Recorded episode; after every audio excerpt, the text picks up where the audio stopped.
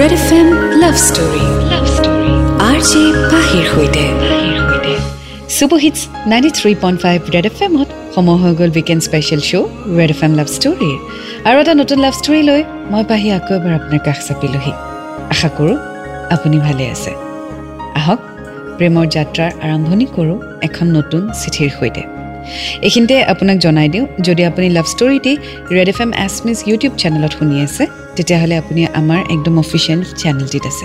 কিন্তু যদি আপুনি বেলেগ চেনেলত শুনি আছে kindly Red F M S M S YouTube চেনেলতহে love ষ্টৰিসমূহ শুনিব। প্ৰত্যেক সপ্তাহে আমি নতুন ষ্টৰি আপডেট কৰোঁ। আৰু আপুনি যদি আপোনাৰ ষ্টৰি শ্বেয়াৰ কৰিব বিচাৰিছে তেতিয়াহ'লে আপুনি এড্ৰেছটি মোৰ ছ'চিয়েল মিডিয়া হেণ্ডেলছসমূহত পাই যাব। In fact Red F M love ষ্টৰীৰ যিটো আমাৰ অফিচিয়েল পেজ ইউটিউব চেনেল তাতো ডেছক্ৰিপশ্যনত পাই যাব। আৰু আপুনি চিঠি লিখি আমালৈ প্ৰেৰণ কৰিব লাগিব আপোনাৰ ষ্টৰী আপোনাৰ বয়স ওঠৰ বছৰতকৈ বেছি হ'ব লাগিব। কোনো ধৰণৰ যাতে ভায়লেঞ্চ নাথাকে সেইটো মন কৰিব। আৰু ছ'চিয়েলি যাতে একচেপ্টেবল এটি ষ্টৰী হয় সেইটোও মন কৰিব। চ' চিঠিসমূহ লিখি সোনকালে আমালৈ পষ্ট কৰক যাতে আমি আপোনাৰ ষ্টৰী সোনকালে প্ৰকাশ কৰিব পাৰোঁ। আজি যিখন চিঠি হাতত তুলি লৈছোঁ এইখন পঠিয়াইছে মেৰাপানীৰ পৰা ৰূপম গগৈয়ে। তেওঁ নিজৰ ষ্টৰিটিৰ নাম দিছে আধৰুৱা প্ৰেম। চ' আহক আজি শুনো ৰূপম গগৈৰ লাভ ষ্টৰী আধৰুৱা প্ৰেম। নমস্কাৰ পাহিবা মোৰ নাম ৰূপম গগৈ। আশা কৰোঁ আপোনাৰ ভাল। আপোনাৰ যাদুকৰী শুৱলা কণ্ঠ দীৰ্ঘায়ু হওক। মই আপোনাৰ লাভ ষ্টৰীৰে ভৰা প্ৰগ্ৰেম সদায় শুনো। সেয়েহে ভাবিলোঁ ময়ো মোৰ লাভ ষ্টৰীটো শ্বেয়াৰ কৰোঁ। পাহিবা মোৰ ঘৰ গোলাঘাটৰ মেৰাপানীত। মোৰ চৈধ্য বছৰ বয়সত দেউতা হেৰুৱাৰ বাবে মই দেউতাৰ দোকানখন চলাবলগীয়া হ'ল আৰু মোৰ পঢ়া ক্লাছ টেনতেই শেষ হ'ল। মই ব্যৱসায় চলাব লগা হোৱাৰ বাবে প্ৰেম ভালপোৱা কথা এইবোৰ চিন্তা কৰিবলৈ সময় নাপাইছিলোঁ। চ' আজি মই মোৰ ষ্টৰী আপোনাৰ সৈতে শ্বেয়াৰ কৰিব বিচাৰিছোঁ। তো আজি আমি শুনি গৈ থাকিম ৰূপমৰ লাভ ষ্টৰী আধৰুৱা প্ৰেম। একেবাৰে চুটি ষ্টৰী এটি লিখি পঠিয়াইছে গতিকে ইয়াত কোনো ধৰণৰ এনেকুৱা চিটুৱেশ্যন নাই য'ত আমি ড্ৰামা দিব পাৰিম বা আমি কিবা চিন ক্ৰিয়েট কৰিব পাৰিম।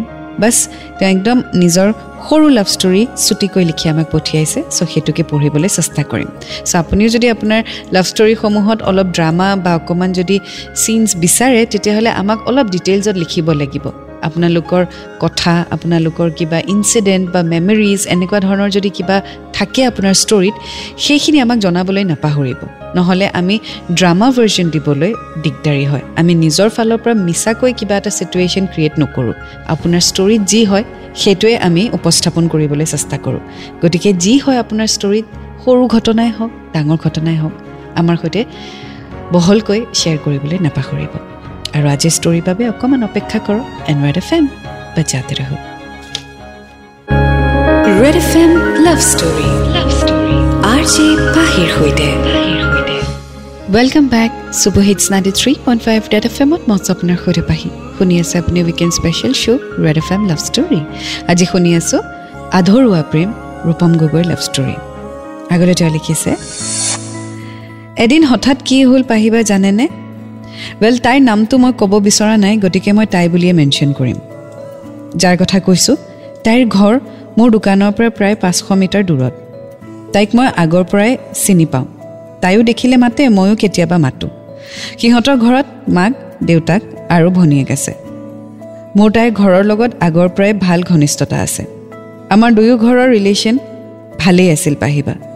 কিন্তু এদিন হঠাৎ কি হ'ল সেয়া মই আপোনাৰ সৈতে শ্বেয়াৰ কৰিব বিচাৰিছোঁ। চ' একচুৱেলি কি হ'ল সেয়া আমি আপোনাৰ সৈতে শ্বেয়াৰ কৰিম যেতিয়া আগুৱাই গৈ থাকিম আজিৰ ষ্টৰীৰ সৈতে। চ' আপুনি অকণমান অপেক্ষা কৰক এণ্ড ৰেড এফ এম বাজাতে ৰহো Red F M love story love story R J পাহিৰ সৈতে। ৱেলকাম বেক শ্ব' চলি আছে Red F M love story মই আছোঁ আপোনাৰ সৈতে পাহি শুনি আছোঁ ৰূপম গগৈৰ লাভ ষ্টৰী আধৰুৱা প্ৰেম আগলৈ তেওঁ লিখিছে পাহিবা ঘটনাটো এইটো আছিলে দিনৰ দুইমান বজাত মোৰ ফোনটো বাজি উঠিল মই আচৰিত হৈ গ'লোঁ তাইৰ ফোন অহা দেখি ট্ৰু কলাৰত তাইৰ নামটো আছিলে আৰু এইটো কাৰণেও আচৰিত হ'লোঁ যে তাই মোক কেলৈ ফোন কৰিছে মই ফোনটো ৰিচিভ কৰিলোঁ বাহিবা তাই কিছুমান কথা মোৰ সৈতে শ্বেয়াৰ কৰিলে। একচুৱেলি কিবা এটা প্ৰব্লেম শ্বেয়াৰ কৰিলে। যিটো কথা শ্বেয়াৰ কৰিছে সেইখিনি মই ইয়াত আপোনাৰ সৈতে শ্বেয়াৰ কৰিব নোৱাৰিম। ঘৰৰ কিবা এটা প্ৰব্লেমৰ কথা তাই শ্বেয়াৰ কৰিলে। ময়ো তাইক এইটোৱে ক'লোঁ যে অকণমান দেৰিকৈ তোমালোকৰ ঘৰলৈ যাম। আৰু তাইৰ ফোনটো থৈ দিলে। মই আচৰিত হ'লোঁ পাহিবা তাই মোক ফোন কৰি তাইৰ ঘৰৰ প্ৰব্লেম বা ছিটুৱেশ্যন মোৰ সৈতে কিয় শ্বেয়াৰ কৰিলে। চ' যিটো প্ৰব্লেম হৈছে সেই প্ৰব্লেমটো আমাৰ সৈতে ৰূপমে শ্বেয়াৰ কৰিব বিচৰা নাই। So' it's a personal problem আৰু সেইটো ময়ো ৰেচপেক্ট কৰিছোঁ যে ৰূপমে আমাক জনাই দিয়া নাই যিয়ে প্ৰব্লেম নহওক বা যিয়ে তাই ফেচ নকৰক কিয় সেইটো আমাক পাব্লিক কৰি দিয়া নাই। চ' ৰূপম এতিয়া সেই ছোৱালীজনী ঘৰলৈ যাম বুলি কৈছে whatsoever the problem is so' আগলৈ কি হয় জানিবলৈ অপেক্ষা কৰক এণ্ড ৰেড এফ এম বজাত ৰহো। Red F M love story love story R J পাহিৰ সৈতে। Super hits ninety three point five Red F এমত মঞ্চ আপোনাৰ সৈতে পাহি শুনি আছে আপুনি weekend special show' Red F M love story আজি শুনি আছোঁ আধৰুৱা প্ৰেম ৰূপম গগৈ লাভ ষ্টৰী আগলৈ তেওঁ লিখিছে কথামতে সেইদিনা মই সিহঁতৰ ঘৰলৈ গ'লোঁ প্ৰায় চাৰিমান বজাত বহিবলৈ দিলে মই বহিলোঁ এগিলাচ পানী আনি দিলে তাইৰ মাকক মই বাইদেউ বুলি মাতিছিলোঁ হঠাৎ তাই ভিতৰৰ পৰা আহি কান্দি কান্দি সকলো কথা ক'লে পাহিবা মোৰ ওচৰত বুজাবলৈ একো শব্দ নাই। মই মাথো তাইৰ জীৱনৰ সকলো দুখ এতিয়াই যেন নাইকিয়া কৰি দিওঁ তেনেকুৱা লাগিছিল। কিন্তু সেইটো কৰিবলৈও মোৰ ক্ষমতা নাছিল। মই কি ক'ম কি সান্তনা দিম সেইটোও বুজি পোৱা নাছিলোঁ। মোৰ ওচৰত আচলতে একো শব্দই নাছিল পাহিবা। তাই কেৱল কান্দি থাকিলে আৰু মই তাইক চাই থাকিলোঁ। এনেকৈ তাইৰ ঘৰৰ পৰা গুচি আহিলোঁ। চ' এনেকুৱা কি এটা প্ৰব্লেম হ'ল যিটো কাৰণে আজি ছোৱালীজনীয়ে ৰূপমক মাতি তাৰ সৈতে শ্বেয়াৰ কৰিলে?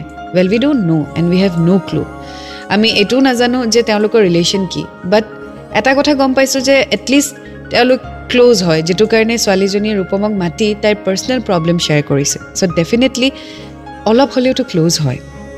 চ' এনিৱে আগলৈ কি হয় জানিবলৈ অপেক্ষা কৰক এণ্ড ৰেড এফ এম বেজাতে ৰহো Red F M love story R J পাহিৰ সৈতে।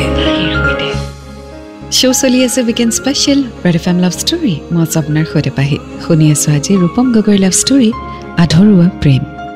আগলৈ তেওঁ লিখিছে পাহিবা কি আচৰিত সিহঁতৰ ঘৰৰ পৰা ঘূৰি অহাৰ পিছত মোৰ এনেকুৱা কেতিয়াও হোৱা নাছিল আগতে। তাই চকুলোৰে ভৰা সেমেকা গাল দুখনে মোক বাৰে বাৰে আমনি কৰি আছিল। ৰাতি খোৱাৰ পৰা শোৱালৈকে তাইৰ মৰম লগা মুখখনেই মনত পৰি আছিল। পাহিবা ভালপোৱা এনেকৈ হয় নেকি? মই নাজানো। কিন্তু তাইক মোৰ বৰ ভাল লাগি গৈছিল। সেইবাবে মই তাইক হোৱাটছএপতে মেছেজ কৰিলোঁ। কি কৰি আছে ঠিকে আছে নে নাই? তাইও ঠিকে আছে বুলি ৰিপ্লাই কৰিলে। এনেকৈয়ে আমি প্ৰায় হোৱাটছএপত কথা পাতিবলৈ আৰম্ভ কৰিলোঁ। চ' ৰূপমৰ ছফ্ট ফিলিংছ ক্ৰিয়েট হৈছে এইৰ বাবে। So' how far it will go' জানিবলৈ অপেক্ষা কৰক হেণ্ড ৰেড এফ এম বা জাতে ৰহো। Red F M love story. Love story. R J পাহিৰ সৈতে। ৱেলকাম বেক শ্ব' চলি আছে Red F M love story মই স্বপ্নাৰ সৈতে পাহি। শুনি আছোঁ আজি আধৰুৱা প্ৰেম ৰূপম গগৈৰ লাভ ষ্টৰী। আগলৈ তেওঁ লিখিছে আমি হোৱাটছএপত কথা পতা আৰম্ভ কৰিলোঁ পাহিবা। কেতিয়াবা তাই ৰিপ্লাই কৰিছিল কেতিয়াবা চিন কৰিও ৰিপ্লাই কৰা নাছিল।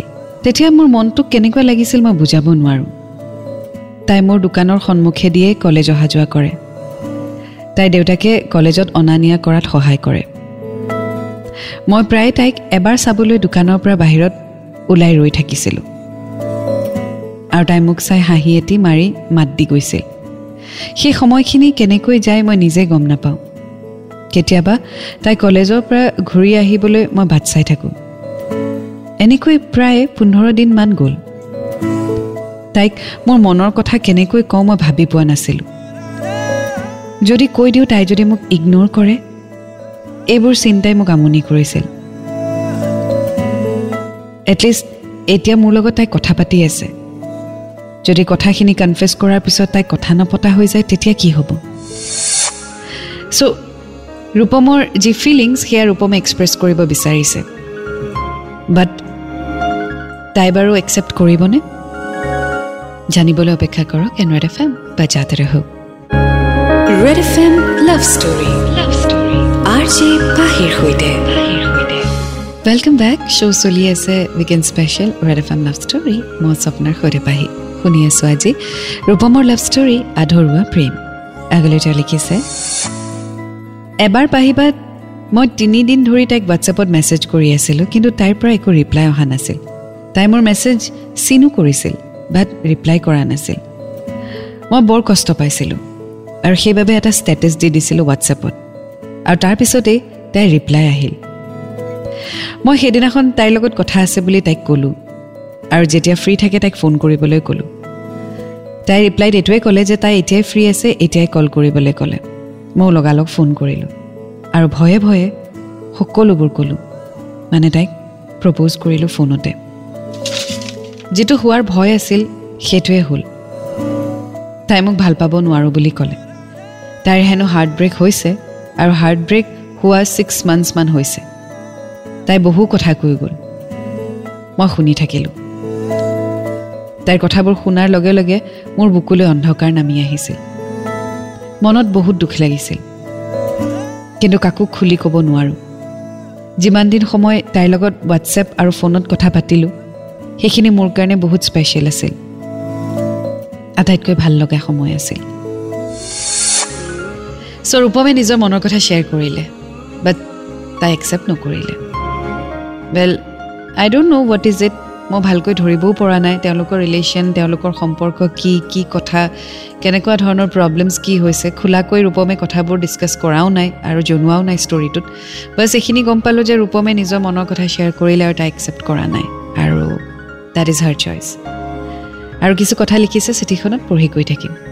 ৰেড এফ এম বজাতে ৰহ। Red F M love story love story R J পাহিৰ সৈতে।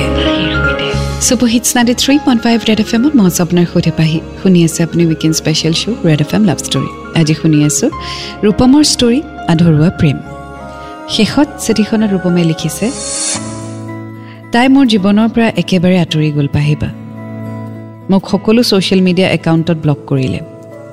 এতিয়া তাইৰ মুখখন এবাৰ চাবলৈ কলেজ যোৱাৰ সময়ত আৰু কলেজৰ পৰা ঘূৰি অহা সময়ত সদায় চাবলৈ ৰৈ থাকোঁ। কিন্তু তাই মোলৈ এবাৰো নাচায়। এনে কি ভুল কৰিলোঁ নাজানো মই। ভাল পাইছিলোঁ মনৰ পৰা তাইক। নাজানো এয়া কি হ'ল মোৰ লগত। মোৰ সপোন সপোন হৈয়ে থাকি গ'ল। আজিও তাই ঘূৰি আহিব বুলি আশাত ৰৈ আছোঁ। কিজানিবা ঘূৰি আহে সদায় ভাল পাই থাকিম নমৰালৈকে। চ' এয়া আছিলে আজি ৰূপমৰ লাভ ষ্টৰী আধৰুৱা প্ৰেম। ৱেল ৰূপম তুমি যিদৰে ক'লা তোমাৰ সপোন সপোনেই হৈ ৰ'ল। তাইৰো হয়তো সপোন আছিল।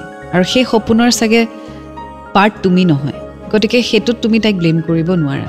চবৰে নিজা চইচ থাকে চবৰে নিজৰ লাইফ আছে চবৰে নিজৰ নিডছ আছে। চ' তাইৰ যি সপোন সেই সপোনত হয়তো তুমি নাই। গতিকে সেইটো তোমাৰ ভুল বা তাইৰ ভুল নহয়। আৰু তোমাৰ সপোনত তাইৰ ভাগ আছে। সেইটোতো তাইৰ ভুল নহয়। গতিকে এই কথাখিনি ভাবি মনটো বেয়া কৰি বহি থাকিলে নহ'ব। You have to have your own dreams you have to have new dreams now so' এই সপোন পূৰা নহ'ল গতিকে গোটেই জীৱনটোতো সেইটো ভাবিয়ে ৰৈ থাকিব নোৱাৰি ন? নতুন সপোন নতুন পৰিকল্পনা আৰম্ভ কৰিব লাগিব। নিজৰ জীৱনটোক আগুৱাই নি থাকিব লাগিব। এনেকৈ থমকি গ'লে নহ'ব। গতিকে তোমালৈ শুভেচ্ছা থাকিল। অল দ্য বেষ্ট আৰু ভালকৈ কাম কৰি গৈ থাকা। যিহেতু পঢ়া কমপ্লিট নকৰিলা চ' ডেফিনেটলি তুমি ব্যৱসায় কৰি আছা গতিকে ব্যৱসায়ত উন্নতি কৰিবলৈ চেষ্টা কৰা। আৰু তাৰপিছত everything will fall in place I wish you all the best এয়া আছিলে আজিৰ লাভ ষ্টৰী আধৰুৱা প্ৰেম ৰূপম গগৈৰ। আকৌ এটি নতুন ষ্টৰীৰ সৈতে লগ পাম। Until then do fall in love it's a great feeling you will get to learn a love and always remember I love you red F M বাজাতে ৰহো